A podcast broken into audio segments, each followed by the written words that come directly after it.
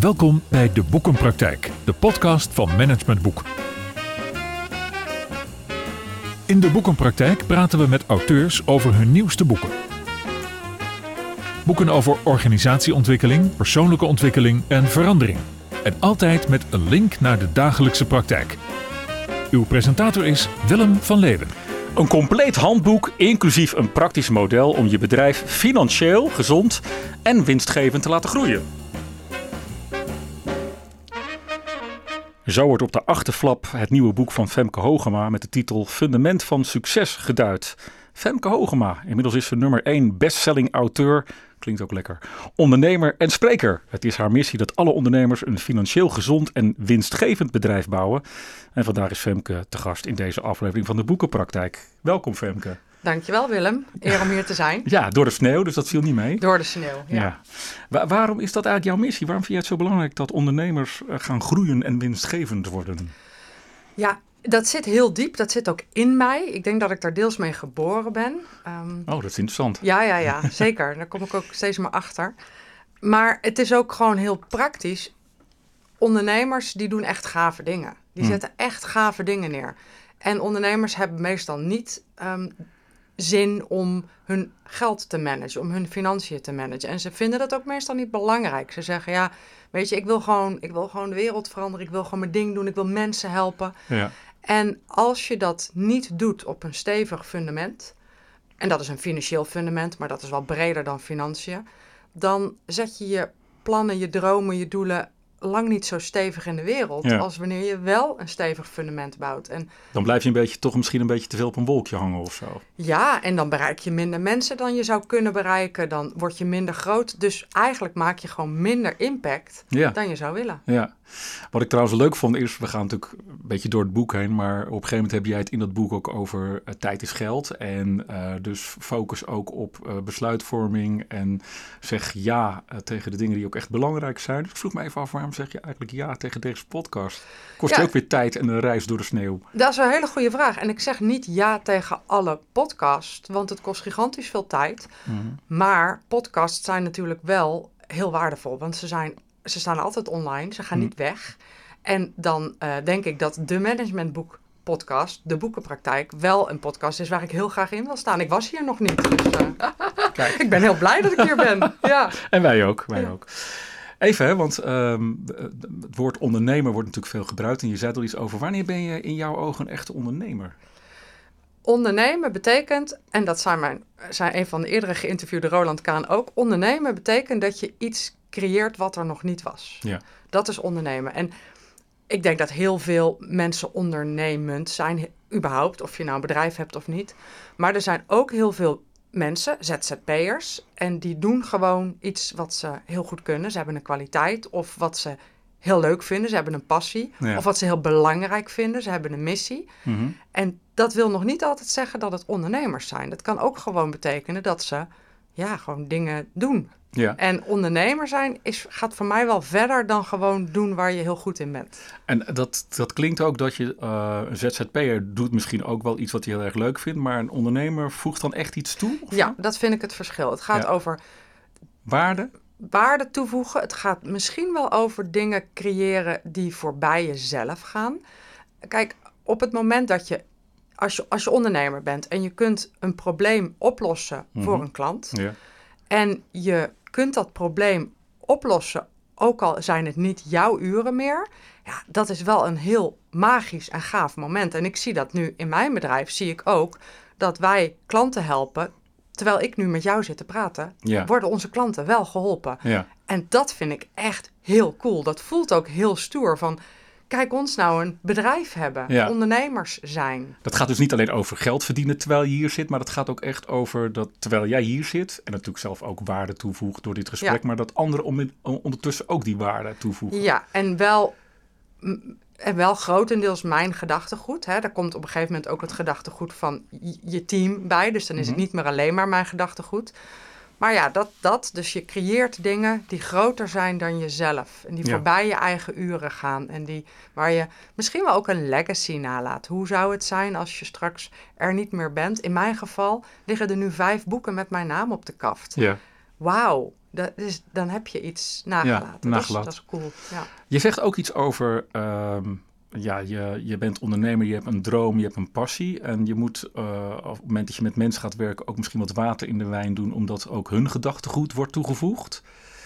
Is dat ook niet een, een beetje killing eigenlijk? Dat, ik zie ook heel vaak ondernemers die op het moment dat ze met personeel, mag even plat zeggen, mm. personeel gaan werken of met mensen gaan werken, ja, dat het dan allemaal een beetje verwatert eigenlijk wat ze oorspronkelijk van plan waren. En dat, dat zij ja, eigenlijk een beetje op doodspoor belanden, omdat die mensen gewoon niet het gedachtegoed goed kunnen uitvoeren. Snap je wat ik bedoel? Ja, ik snap dat wel. Ik denk dat er heel veel mis kan gaan met personeel. Ik bedoel, dat kan misgaan. Ze zeggen niet voor niks, ja. uh, ik ja, gun je veel personeel. Ik gun je veel personeel, ja.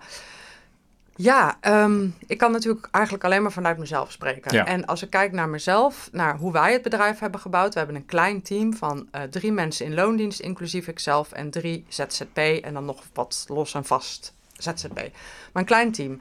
En als ik kijk hoe dat bij ons is gegaan, is dat echt een proces geweest van stapje voor stapje voor stapje voor stapje. Hele kleine stapjes, uh, waarbij ik steeds uh, meer ook ben gaan loslaten. Mhm. Ook steeds meer ben gaan vertrouwen.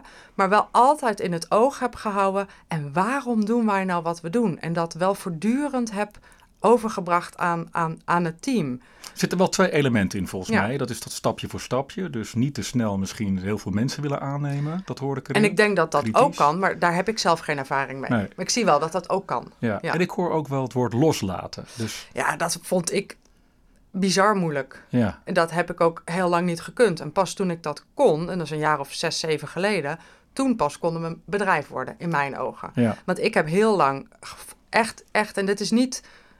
Ik heb heel lang echt geloofd dat ik echt de enige was die bepaalde dingen kon. En dat mm. geloofde ik echt. En wat maakt dat je daar dan op een gegeven moment van afkomt?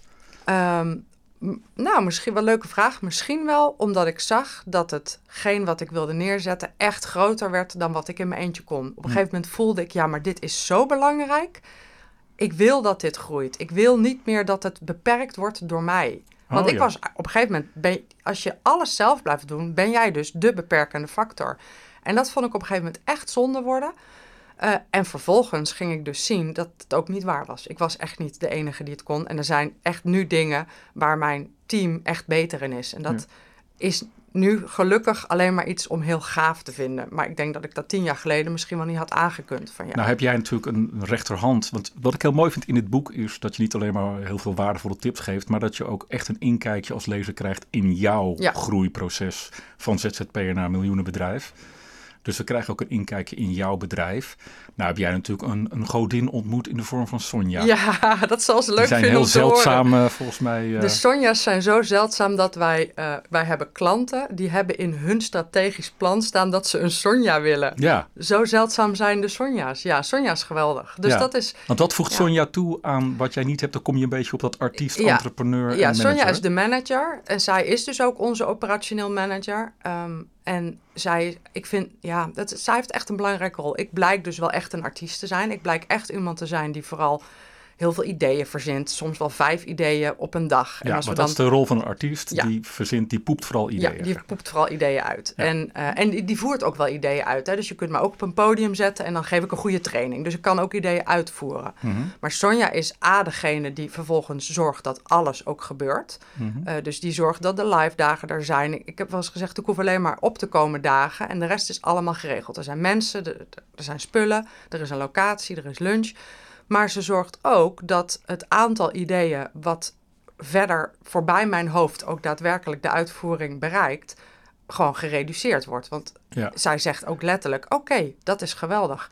Maar dan gaan we wel noteren voor een volgend kwartaal. Niet voor dit kwartaal erbij. Dat kan gewoon niet. Dus remt je ook een beetje op een gezonde manier af. Zeker. Met de checkvraag, past dit nou wel in wat we nu moeten doen? maar ze stuurt ook het team aan. Uh, dus, dus, dus ze heeft echt een managersrol. Ja. En dan heb je nog die rol, om het even volledig te maken, van de entrepreneur. Ja. Wat is dat dan? En de, de, dus de entrepreneur is... Uh, ik ben ook een beetje entrepreneur. De entrepreneur is degene die echt de, de ondernemers ideeën heeft, maar ook daar veel risico in durft te nemen. En een, een van de echte entrepreneurs die ik heb geïnterviewd uh, is Jurgen Engels, bijvoorbeeld uit België. Die heeft een idee, die gaat een jaar op zijn zolderkamer dat idee uitwerken met een team. die bouwt een bedrijf en die verkoopt dat bedrijf voor 340 miljoen. Ja. dat, dat is echt een, een ondernemer. Ik ben een beetje ondernemer. Mijn, bijvoorbeeld een van mijn gave ondernemersacties was... ik las een boek, Profit First. Mhm. Ik was meteen verliefd op het concept. Nog voordat ik halverwege het boek was... had ik de URL profitfirst.nl geregistreerd. Ja. En een maand later stuurde, stuurde ik een mailtje naar, de, uh, naar de, de, de grondlegger in Amerika... Mike McCallowich, of ik koffie kon komen drinken in Amerika dat kondigde ik dan aan aan mijn man. Ik zei, uh, ga je mee? We gaan koffie drinken in New York. Ja, dat is goed, zei hij. En dat hebben we gedaan. Nou, dat is echt een ondernemersactie. Ja. Een pure artiest die zou uh, een mailtje sturen van kunnen we bellen, kunnen we oh, zoomen. Ja. Maar een echte ondernemer die koopt een vliegticket en die dat. Er zit wat meer daadkracht in. Daar zit daad, maar ook risico, want je kunt ook tijd en geld verspillen en, en terugkomen met ja de koffie was lekker, maar dat was het dan ook. Dus dat, dat is de echte ondernemer en die die heb ik, uh, uh, heb ik in me, maar niet zo. Ik, ik weet niet, kijk, jij zegt net, je hebt zelf de weg afgelegd van ZZP naar miljoenenbedrijf. Mm Wij hebben nog geen miljoenenbedrijf. Wij hebben echt wel een significant bedrijf. Kun je een boek schrijven dan met de titel van ZZP naar miljoenenbedrijf als je zelf nog geen miljoenenbedrijf hebt? De, de, de, de, de ondertitel is voor mij een. Um, is ook een klein beetje een teaser natuurlijk. Mhm. En ik heb gelukkig wel 15 ondernemers geïnterviewd die allemaal dat miljoen of meer draaien. En wij, wij zitten bijna tegen dat miljoen aan. Dus ik vind dat het mag. Okay. ik ben er ook eerlijk om in. ik noem ook getallen in het boek. Ik noem getallen in het boek. Misschien even over dat, uh, dat ondernemen, uh, wat jij dus bent en waar, je ook voorbeelden van geeft. Je hebt 15 uh, eh, ondernemers geïnterviewd. Daar heb ik even een stelling over. Ja. Nou, die luidt als volgt: ondernemen moet in je bloed zitten, anders word je nooit echt succesvol met je bedrijf. Waar? Is dat ook iets waar je voor geboren moet worden? Het aan te leren? Kijk, je zegt het moet in je bloed zitten, anders word je nooit echt succesvol. Ik denk dat dat waar is. Ik denk wel dat je kan, je kan heel veel leren, je kunt heel veel ontwikkelen. Maar als, als je het niet een beetje in je zit, dan wordt het wel, dan gaat het denk ik niet lukken. Nee. Maar als je het wil en het zit dus een beetje in je, dan geloof ik wel dat je er heel veel in kunt ontwikkelen. Ja. ja. Dan heb je 15 ondernemers in jouw optiek, echte ondernemers, geïnterviewd. Ja. Die komen ook terug met quotes en voorbeelden in het boek. Wat kenmerkt alle 15? Ja, dat ze ondernemer zijn, maar wat, ja, wat, wat kenmerkt alle 15? Um, sowieso een diepere drive. Um, allemaal een dieper, diepere drive, maar ook allemaal een commitment om ervoor te gaan. Ik denk, uh, de, moderne visie op ondernemerschap is dat je dat moet kunnen in vier uur per week in een hangmat. Mhm. Nou, ik heb geen enkele ondernemer gesproken die dat beaamt. Ze zeggen allemaal, ja, luister, het is ook gewoon heel hard werken. Dat is mhm. ook ondernemerschap. Um, het is ook een voortdurende uh, drang om je te ontwikkelen. Ondernemers die stoppen nooit met leren, met ontwikkelen, met mensen ontmoeten die op aspecten beter zijn dan hun, uh, met, met kennis, met vaardigheden ik heb geen enkele ondernemer ontmoet die zegt: Ja, maar ik weet het allemaal, ik ben klaar. Die bestaan volgens mij niet. Alle ondernemers zeggen: Ach, ik heb nog zoveel te leren. Ja, dus dat, is, dat is de leergierigheid, dat is de daadkracht, maar ook wel de nieuwsgierigheid volgens mij. De nieuwsgierigheid, de, de, het, maar ook wel het diepere gevoel: ik heb iets te doen in deze wereld. Als je mhm. dat diepere gevoel niet hebt, dan wordt het ook heel moeilijk, denk ik. Mhm. Ja. ja, en, en wat is jouw diepere gevoel als je kijkt naar wat heb ik te doen in deze wereld? Mijn allerdiepste gevoel is dat ik, um, um, dat ik, dat ik mensen. Het heeft te maken met je potentie leven. En ik vind dat altijd een beetje een, een droge zin, je mhm. potentie leven. Maar toch is dat wel wat in mij zit. Ik heb zo'n behoefte om bij iedereen de potentie te zien en die potentie ook neer te zetten. Nou, en ik, ik doe dat nu. Uh, ik richt me nu op één specifieke doelgroep: boekhouders, accountants. En ik zie in die boekhouders en accountants de potentie om voorbij het boekhoudwerk te groeien naar de adviesrol. Um, maar ik zie mijzelf hopelijk ooit nog eens een keertje op een podium staan met meer dan duizend mensen, ondernemers, in de zaal. Die allemaal Niet alleen meer... boekhouders, accountants, nee, ook. ik zou ooit... Dus die branche wil je uitbreiden? Nou, nee hoor. Voorlopig zitten we in die boekhoudersbranche, maar... Beetje saaie branche ook wel, hè? Nou, het zijn wel leuke mensen. Blauwe mensen, toch? Ja, wel veel blauwe mensen, maar je, er zitten wel leuke mensen tussen. Ja, en dat wordt, die worden mijn klant, ja. Ja, ja. Maar waarom die doelgroep? Want het is niet gelijk de meest inspirerende doelgroep oh. als het gaat om. Nee, als het gaat om. Uh, want je zegt terecht, uh, de maatschappij vraagt dat een boekhouder veel meer adviseur wordt. Terwijl het zijn blauwe mensen die vooral lijstjes afwerken. Even heel gechargeerd natuurlijk. Waarom die doelgroep? Um, twee dingen. Mijn, uh, uiteindelijk mijn zakelijke missie is dat ik wil dat alle ondernemers financieel gezond ondernemen. Mhm. Ik heb dat tien jaar gedaan door al die ondernemers in zaaltjes te stoppen. En op een gegeven moment zag ik vooral met de komst van Profit First dat ik dacht, oh wacht, ik moet dit groter gaan aanpakken. Als ik nou stop met ondernemers opleiden, maar ik ga een trapje hoger. Ik ga hun adviseurs, de boekhouders opleiden. Dan kan ik veel meer ondernemers bereiken. Dus dat is het maken van meer impact. Ja. Twee is dat ik ook zag dat boekhouders gigantisch veel te leren hebben.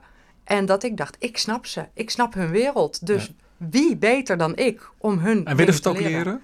Ja, kijk, er zijn ook boekhouders die het niet willen leren. En die vinden Femke stom en die worden nooit mijn klant. Maar er zijn heel veel Weiger je ook wel klant?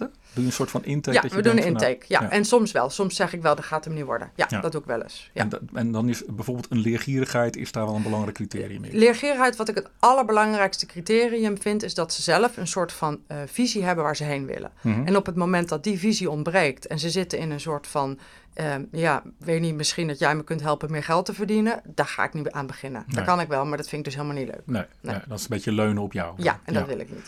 Um, je hebt het ook over een ondernemerspyramide. Hè? Uh, er is een heel model uh, wat je hebt opgezet. En er komen, wat is het, hoeveel elementen? Acht, elementen in. Uh, zullen we eens even kort doorlopen? Ja. het begint volgens mij met de ondernemer zelf. Ja, de persoon zelf. Het begint met de, de ondernemer zelf. dus de, de blauwe cirkel van de ondernemer. Omdat ik geloof dat alles begint of staat met wie jij als mens bent, de keuzes die je maakt, mhm. hoe je denkt, wat je gelooft. Ja. Ja, dus de ondernemer. Ja. ja. Um, nou zit ik even als ZZP'er hiernaar te luisteren. En uh, er zijn heel veel ZZP'ers in Nederland op dit moment. En die hebben het juist financieel zwaar. Wat zouden die vanuit, die, die, vanuit dat thema ondernemer, wat zouden die anders moeten doen waardoor ze succesvoller worden? Um, nou ja, een paar dingen heb ik al genoemd. Blijf jezelf ontwikkelen. Ik zeg altijd tegen ondernemers die het zwaar hebben: ga alsjeblieft meer podcasts luisteren. Dat zeg ik niet omdat ik nu bij jou aan tafel zit, maar het luisteren van podcasts, het lezen van boeken. Daar zitten al die kruimeltjes inspiratie in. Dat ene ideetje wat weer energie geeft. Dus dat gun ik ondernemers die het zwaar hebben. Laat je ook extern inspireren. Dus luister podcast. Uh, maar ook voor die ondernemers, want na de cirkel van de ondernemer ga ik altijd naar de kern van de piramide en dat is waarde. Ja. Voor ondernemers die het zwaar hebben, die moeten vooral heel goed gaan kijken naar hun waardepropositie. Voeg ik nog wel waarde toe? Voeg ik nog wel waarde toe? Wat is dat? Wat is dat waarde toevoegen? Kun je daar iets meer over zeggen? Waarde toevoegen is dat je iets creëert uh, wat er nog niet was. Dat is mhm. waarde toevoegen. Waarde toevoegen, heel plat geslagen, is dat je een probleem oplost. Ja. En te veel ondernemers die beantwoorden die waardevraag niet. Die zeggen gewoon, ja, maar ik ben heel goed in, ik ben een hele goede advocaat of ik ben een hele goede controller. En dat ga ik dan doen. En natuurlijk lever je dan aan je individuele klanten wel waarde, maar de waardevraag die moet groter zijn. Die moet gaan over. Misschien moeten we even het voorbeeld nemen van die online supermarkt Pieter Pot. Ja. Wat je behandelt. Dat vind ik een mooi voorbeeld, van eh, de criteria die je als het ware langsloopt om echt waarde toe te voegen. Ja, nou Pieter Pot is een leuk voorbeeld. Heel kort, Pieter Pot is een uh, online winkel die plasticvrij uh, producten levert. Dus als je macaroni bij hun koopt, krijg je dat niet in een plastic zakje, maar krijg je dat in een glazen pot. En die potten worden gerecycled. Mm. Um, nu is dat vanuit de waardepropositie uh, is dat sowieso een goed idee, omdat de consument wil minder plastic. Dus daar zit een heel sterke waardepropositie in. Maar daar hebben ehm, meer, meer bedrijven hebben het gedaan, die, de, zijn failliet gegaan. Ja, want er was een paar jaar geleden waren er overal uh, in Groningen en in, in Arnhem, weet ik veel, waren er plasticvrije winkels. En dan kon je naar binnen en dan kon je macaroni in je eigen potje stoppen. Ik geloof trouwens dat de Albert Heijn daar nu ook weer heen gaat. Hè? Oh. Maar dat schijnt nog niet helemaal lekker te lopen. Um, maar die zijn allemaal failliet gegaan. Ja. Dus Pieter Pot heeft zich de vraag gesteld, en dat is die waardevraag. Wat is de duurzame optie die verleidelijk is? En toen zijn ze dus dieper die waardevraag ingedoken. Want om, kijk, alleen een missie, alleen een missie betekent we willen minder plastic. Mm maar dat is dus niet genoeg. Want er moet wel klandizie voor zijn. En dat vind ik altijd mooi. Meer dan alleen maar je moeder. Die natuurlijk bij jou dan je, je potjes gaat kopen. Maar het moet meer zijn dan dat. En dat is het mooie van, uh, uh, van het voorbeeld van Pieter Pot. Die hebben zich dus de vraag gesteld. En waar ligt nou de, de optie die echt verleidelijk is? Die voor de klant ook eh, te doen is. Nou, daar doen ze ook mooie kleine onderzoekjes naar door te gaan flyeren in de trein en dan te gaan kijken met verschillende flyers welke websites worden bezocht. Ja. En op die manier echt onderzoeken, is dit een verdienmodel? Nou, en als we dan weer terugkomen op moeilijker tijden. in moeilijker tijden ben je misschien geneigd om harder te gaan werken. Ja. Maar het eerste wat je moet doen in een crisis is weer teruggaan naar die waardevraag. Los ik nog steeds een probleem op? En in de coronacrisis vond ik dat ook fantastische voorbeelden van mensen die zeiden: ja, maar ik kan nu niet meer mijn probleem oplossen uh, door, uh, door, nou ja, als ik kapper ben, door haren te knippen. Want de kapperszaken moeten dicht. Ja. Dus hoe kan ik nog steeds wel hetzelfde probleem oplossen? Nou, misschien moet ik do-it-yourself knipcursussen gaan geven en pakketjes gaan verkopen. Nou, daar zijn heel veel voorbeelden van, van ondernemers die onwijs goed zijn gaan draaien. Omdat ze de waardevraag opnieuw gingen beantwoorden. Mooi, mooi. Ja. En dan gaan we daarna naar de andere zes elementen even kort. Ja, dus vanuit waarde uh, kun, je, kun je omhoog en dan krijg je strategie en daarboven missie, visie, kernwaarden.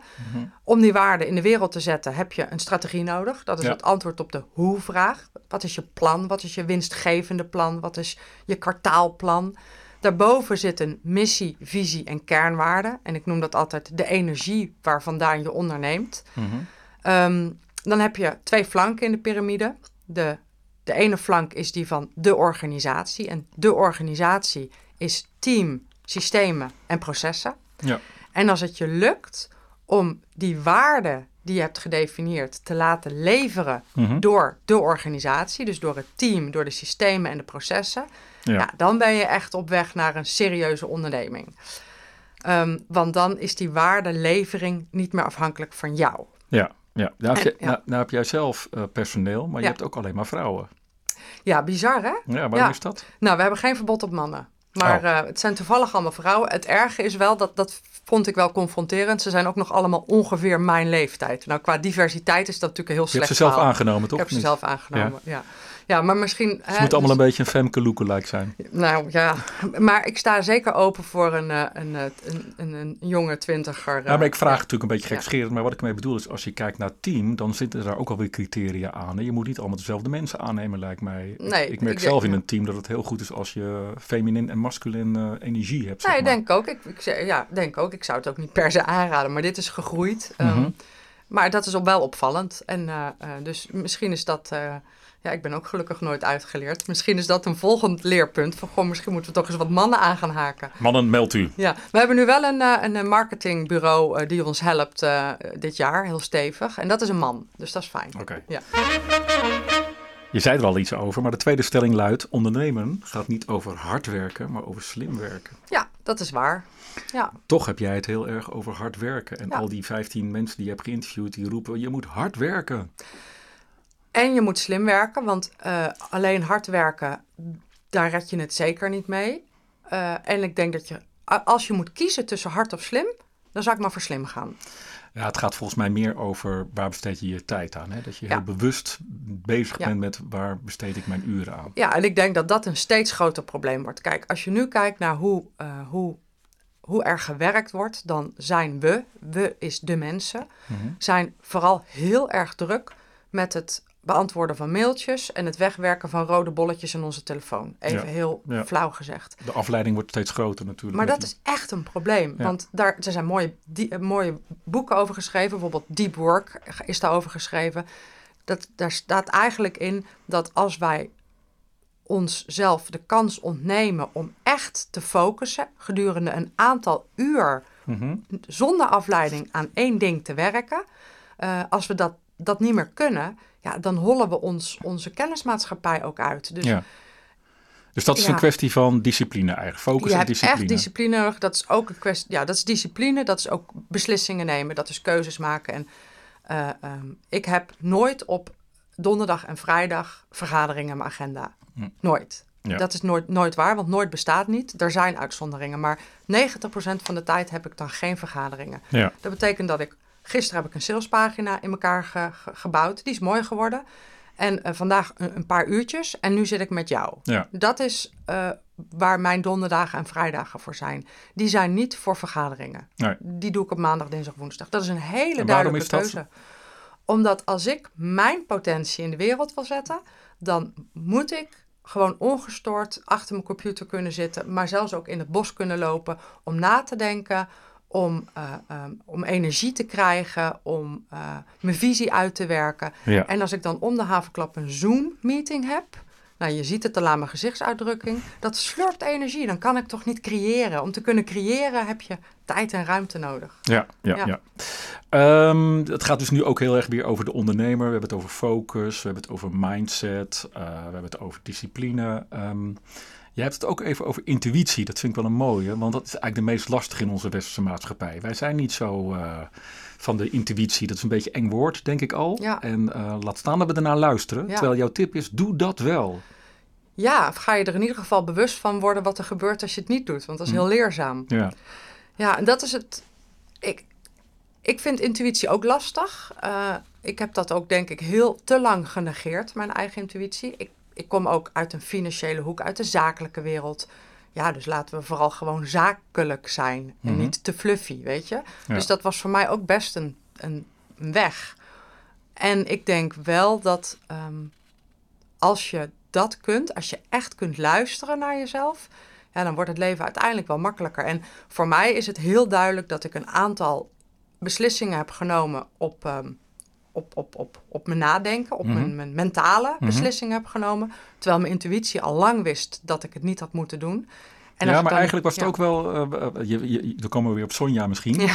Maar het was ook Sonja die op een gegeven moment tegen jou zei. toen, toen je eh, Ja. een, een potentiële deal ging sluiten met iemand. Wat we allemaal in het boek kunnen lezen. Niet doen. Terwijl er een stemmetje in jouw hoofd zei. In je buik voelde je niet doen, maar een stemmetje in je hoofd zei wel doen. Dus dan heb je toch misschien even iemand in je omgeving nodig die nog even dat stemmetje of dat buikgevoel extra Ja. benadrukt? Of? Ja, die dat eh, wel durft hardop uit te spreken. Want ik, inderdaad, hè, dus daar is ook Sonja super belangrijk in om goud eerlijk te zijn van eh, ik vind het niet mooi of we moeten het niet doen. Of, Als Sonja deze podcast niet gaat promoten, dan weet ik het ja, niet dan meer weet ik het ook niet.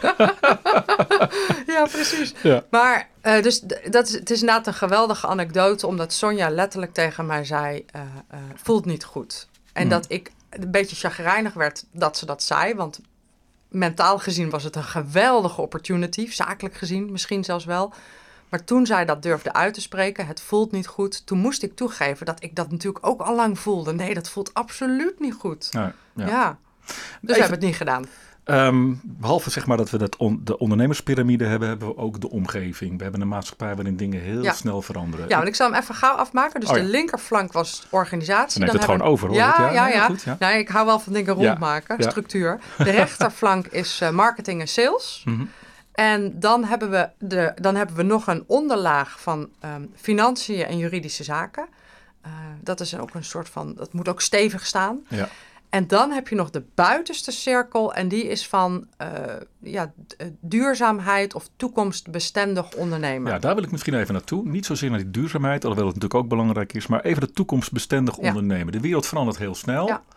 Eh, ik ben dan zo iemand die jaren geleden bij Free Record Shop werkte. En dat wij tegen elkaar zeiden, we gaven elkaar een eh, high five. En we zeiden, wij zijn de grootste retailer. Ja. Ehm, en jij beschrijft in het boek, ja, dit is nou een voorbeeld van zo'n bedrijf wat dus gewoon naar de kloten ging, omdat ze gewoon niet goed opgelet hebben als het gaat om de verandering in de omgeving. Ja, nou ja, ik was eh, wel super interessant dat jij daar dan werkt. En daar wil ik dan natuurlijk wel over praten. Ik heb daar niet gewerkt, maar de Free Record Shop, eh, ja, die heeft het niet gered. Terwijl als, je, als je achteraf terugkijkt, voor de hele jonge luisteraars, dat, dat, daar kon je cd'tjes kopen en zo, Ja. hè? Fysiek. Ja, terwijl de waardepropositie is, mensen willen muziek luisteren. Ja. Dus die waarde, die, die, die intrinsieke waarde, die is nooit weggegaan. Maar de Free Record Shop heeft het niet gered, terwijl er tegelijkertijd allerlei anderen eh, eh, nu wel geld verdienen met muziek. Ja. En dat is natuurlijk mega interessant. Ja, want dat er waarschijnlijk ook een andere waarde bij kwam, namelijk het gemak van muziek Het beluisteren. gemak en uiteindelijk werd het ook goedkoper, Ja. want cd'tjes waren vroeger 40 gulden, geloof ik. Dus je moet die waardepropositie steeds weer tegen het licht aanhouden. Steeds weer tegen het licht aanhouden van Ja. oké, de, de, de, de behoefte is er nog steeds aan muziek. Mhm. En wat, want de- een van de vragen als het gaat over waardepropositie is ook dat je altijd alert moet blijven over hoe de maatschappij verandert. Dus als je directeur van de Free Record Shop bent, moet je eigenlijk iedere twee weken, ik roep even wat, om je heen kijken en kijken hoe verandert de wereld van de muziek op dit moment en wat betekent dat voor ons. En als je dat niet meer doet, ja, dan uh, loop je een groot risico. We gooien er nog een stelling tegenaan. Het is een illusie om te veronderstellen dat je personeel net zo ondernemend denkt en handelt als jij als ondernemer. Wat een pijnlijke kwestie, want um, dat wil je natuurlijk wel. Mm -hmm. Nou ja, kan het dat is, ook? Ja, mm, ik denk niet net zo. Ik denk inderdaad dat, dat ja, dat weet ik niet. Ik durf bijna te zeggen dat Sonja wel net zo. Maar zij is ook een stukje aandeelhouder. Misschien scheelt dat. Kijk, het gaat hem ook al een stukje over eigenaarschap. Daar kan je dan toch niet omheen. Betekent dat dat je eigenlijk zegt van misschien moet je je personeel ook een stukje aandelen geven? Ja, dat heb ik uiteindelijk wel gedaan. Dat was een enorme stap. Mhm. Maar ik voelde wel dat het niet meer fair was. Het was niet meer alleen ik die aan het bouwen was van het succes. Maar ook mijn team was aan het bouwen, uh, aan het succes aan het bouwen. Dus dan voelde het ook alsof ook zij eigenaar moesten zijn. Um, en ik denk dat dat, dat, dat, dat dat waar is. Dus als ik helemaal overnieuw zou beginnen en ik zou Ja. vandaag een nieuw bedrijf starten, dan zou ik direct meerdere aandeelhouders willen. Niet omdat ik dat zelf zo makkelijk kan, want ik moet eigenlijk ook wel weer de baas zijn. Hè? Dus daar zit wel een, een, een, een, spannen, een spanningsveld. Is dat zo? Ja, ik, baas moet, ja ik, ik ben heel slecht in instructies. Oh, dat heeft met jouw karakter te maken. Met mijn karakter. Oké, ja. maar Ja. Moet, moet, je, moet er altijd een baas zijn, even los van jou? Vind jij wel? Moet er altijd iemand zijn die... Ja, ik denk het wel. Maar dat, dat is een, denk ik ook een filosofische kwestie. Ja. Maar ik denk het wel. Maar even die filosofische kant op dan. Waarom moet dat dan? Wat, wat zit erachter? Eh, nou, ik denk dat, dat menselijke, mensen zo werken. Mensen Mhm. moeten altijd ergens heen kunnen kijken van wie, wie, Beetje wie neemt systeem wie- waar ja, het iemand systeem. de, de ja, mensen willen dat er... Rolmodel. Dat zie je natuurlijk ook als je bij zo'n zo'n expeditie Robinson 20 mensen op een eiland zet. Er Ja. moet meteen iemand een beslissing nemen. Ja. Dus dat zit in Je hebt mensen. leiders en volgers. Ja, je hebt leiders en volgers. Ja. Ja, ja. Ja. Maar ik zie bijvoorbeeld in organisaties, hè, nog even terug naar, eh, naar dat eigenaarschap. Ik zie dat er heel veel in organisaties wordt geleurd over eigenaarschap. En dat proberen we dan te bereiken met ook een onderdeel van jouw model. We gaan mensen nog uitdagende doelen geven. We gaan nog meer praten over de missie. De mensen moeten de kernwaarden leven. Je hoort al een beetje de manier waarop ik het zeg. Hoe ik dat beleef, zeg Ja. maar. En dan tegelijkertijd zijn we constant teleurgesteld dat die mensen toch gewoon denken: ja, het is allemaal leuk dat gezeur over missie, visie, doelstellingen, B-hacks, uitdagende doelen en kernwaarden. Maar ja, ik werk hier gewoon van, eh, van half negen tot vijf. Ja. Dus ehm, is het altijd nodig dat mensen ook op een andere manier zeg maar, getriggerd worden om echt eigenaarschap te leveren en dus echt ook ondernemend te zijn? Nou, ik denk één ding wat, je, wat er in jouw rijtje nog niet staat, is dat je eh, de, de persoonlijke doelen van een persoon moeten in lijn liggen met de zakelijke doelen. Dus ergens, als je een goede baas wilt zijn of een goede leidinggevende, zul je moeten weten wat zijn de persoonlijke doelen van mijn mensen en eh, kunnen, ze, da- kunnen ze die kwijt in ons bedrijf. En als dat te ver uiteen gaat lopen, dan gaat het geen succes worden. Hm. Dus je, je mensen kennen, weten. Kijk, wij hebben een paar keer, we hebben op dit moment eh, om de week een teammeeting. Ik wil niet de hele week vergaderen, dus we hebben om de week een meeting Ja. met het team. En wij starten altijd met een rondje, hoe zit je erbij? Ehm, hoe gaat het met je? En ook al hebben we het heel druk, ik zou dat rondje nooit overslaan. Want gewoon even horen, eh, zitten mensen nog lekker in hun vel? Ja, dat is redelijk overzichtelijk nog natuurlijk. Ja, Hè? Met, ja. met hoeveel mensen heb je in dienst? Zes. Zes. Nou, ik heb er drie in dienst, Ja. inclusief mezelf. Dus totaal team van zes. Ja. Komt binnenkort een man bij. Ehm, nee, dat is overzichtelijk. Maar ik moet ook denken aan die grotere organisaties. Ik moet ook weer even denken aan Hans Breukover, die op een gegeven moment toch wel elke verkoopmedewerker in al zijn winkels bij de voornaam kende. Wat ook enorm gewaardeerd werd. Dus op een gegeven moment word je groter en groter en groter. En dan ontstaat er iets van een reiscircuit dat mensen, ja, dan ken je de mensen niet meer. Dan kan je ze ook niet Ja. meer beïnvloeden. En dan Ja, je dat. dat. wordt ook heel duur. Ik bedoel, ik heb zelf ook in hele grote bedrijven gewerkt. Ik heb bij grote banken gewerkt. Ja. En dan wordt het ook heel duur, want dan weet je gewoon dat, dat er een aantal mensen 40 uur per week aanwezig is en twee uur per week werkt. Hè? Ja. Dat gaat dan gebeuren. je lekker onzichtbaar zijn. ja, kun je lekker Ja. onzichtbaar zijn. En, eh, Dus misschien moet, dat, moet je gewoon dan, ik moet denken aan die celstructuur die ooit bedacht is door, hoe heet je ook weer? ja, ik weet wie je bedoelt. Ik kan even niet de naam komen, iemand met het lange haar. Die inmiddels helaas overleden is. Maar die, die, die zei, je moet alle, alle grote bedrijven, altijd, moet je altijd weer kleine ondernemingjes van maken. Ja, ik, ik geloof dat wel. Ik geloof daar wel in. Ja. Moet een beetje gaan afronden. Ehm, wat is eigenlijk nou... Ja, wanneer is jouw missie geslaagd? Wanneer ben jij, eh, is het, ja niet eh, als we een miljoen bereikt hebben misschien, maar wanneer is het ook echt klaar dat Femke denkt, nou nu ga ik wat vaker naar een tropisch eiland. Want nu kan ik wel eh, wat meer op een uh, nou ja, idealiter zou het bedrijf steeds meer klanten gaan bedienen, terwijl Femke steeds minder hard hoeft te werken. Ja. Dat is natuurlijk de ideale. Is dat al aan de orde? Uh, ja en nee.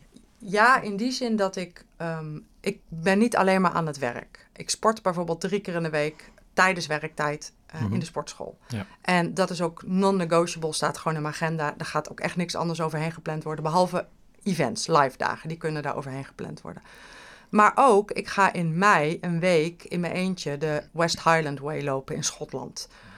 Behalve dat dat fysiek nog even wat training vraagt. Dat had ik een beetje onderschat, ben ik heel eerlijk in. Even los van dat fysieke dat stuk. dat helemaal niet. Dat is 150 kilometer lopen in Schotland van, uh, van punt A naar punt B met onderweg overnachtingen. En is dat ook uh, met Ja, met, met bergen. En, en, en ik heb dus een route in zes dagen uitgestippeld. Daar zitten dus dagen tussen van 30 kilometer. Dat heb ik totaal onderschat. Dus dat past wel bij mij. Ik ben ook wel een heel erg impulsief persoon. Dus ik ga er gewoon voor. Maar uh, dat is ook gewoon een week waarvan ik zeg: dit is wat ik wil. Dit is heel belangrijk voor mij. Ik ga dit organiseren.